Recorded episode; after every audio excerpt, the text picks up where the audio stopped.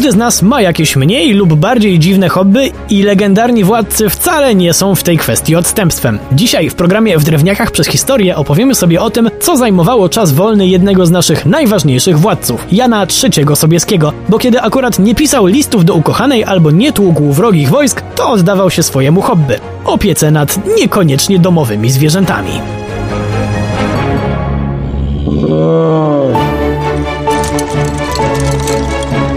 Wszystko zaczęło się od podróży, na którą po studiach razem z bratem Sobieski został wysłany przez ich koszmarnie bogatego ojca. Mieli podróżować po Europie i kolokwialnie rzecz ujmując, liznąć trochę świata. No i faktycznie oglądali imponujące twierdze, obserwowali nowoczesne metody walki, ale najbardziej przełomowe dla naszego dzisiejszego bohatera było zwiedzanie amsterdamskiego zoo. Cieszył się jak dziecko, kiedy pierwszy raz zobaczył tam pelikana, wielbłąda, lwa i słonia. To zamiłowanie do oglądania niezwykłych zwierzaków zostało mu do końca życia. Wiemy dobrze, że Sobieski lubił pisać czasem aż przeładowane erotyzmem listy do swojej Marysieńki, ale czasem pisał też o innych sprawach. Pewnego razu, kiedy podróżowała po Europie, dostała list od męża, w którym prosił, żeby przejeżdżając przez Amsterdam kupiła mu kilka papug i kanarków, bo generalnie chciałby mieć jakieś zwierzątko. No i się zaczęło, a żona nie wiedziała w co się pakuje. Janek szybko sprowadził sobie kolejne zwierzaki, rysia i kazuara, czyli takiego drogiego indyka z Australii. Fakt, to dość drogie hobby, ale jak już ustaliliśmy, do najbiedniejszej rodziny nie należał, a co ważniejsze, w międzyczasie dostał całkiem niezłą fuchę, bo wybrano go na króla. Skoro już wiemy skąd miał na to kasę, to czas na gwóźdź programu, czyli tragikomiczną historię o wydrze.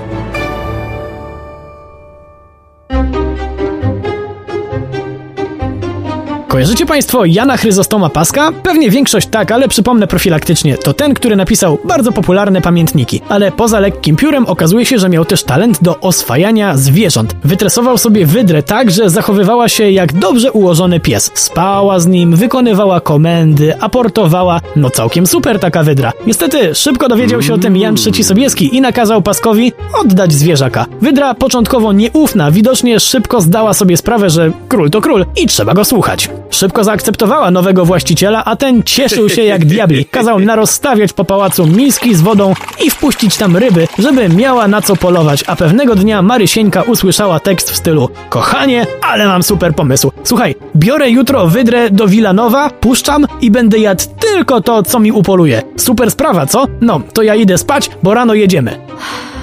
Nie pojechali. Czemu? Już tłumaczę. Otóż Wydra w nocy wymknęła się z królewskiej komnaty i biegała sobie beztrosko po okolicy. Pałac Królewski ma to do siebie, że są tam strażnicy. Jeden z nich zobaczył tajemniczy kształt przesuwający się w jego stronę i niewiele myśląc potraktował go berdyszem, czyli taką siekierą na długim kiju. Niestety Wydra nie wytrzymała konfrontacji z ostrzem, a kiedy strażnik zorientował się, co właśnie zabił, to pobladł ze strachu. Na szczęście zauważył, że nieopodal przechodził żydowski kupiec. Adrenalina i świeżo odkryty talent marketingowy sprawiły, że strażnik sprzedał martwe zwierzę i myślał, że już po problemie, ale nie docenił swojego władcy i tego, jak szybko potrafi przeprowadzić dochodzenie, kiedy jest naprawdę wściekły.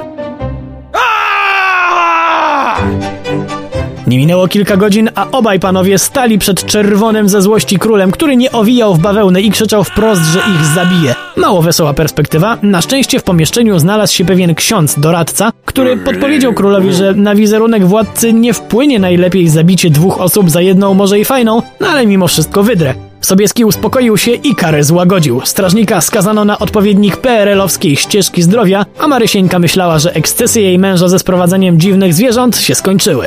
Nadzieja ta nie trwała jednak długo, bo niebawem pojawił się u nich w domu nowy nabytek.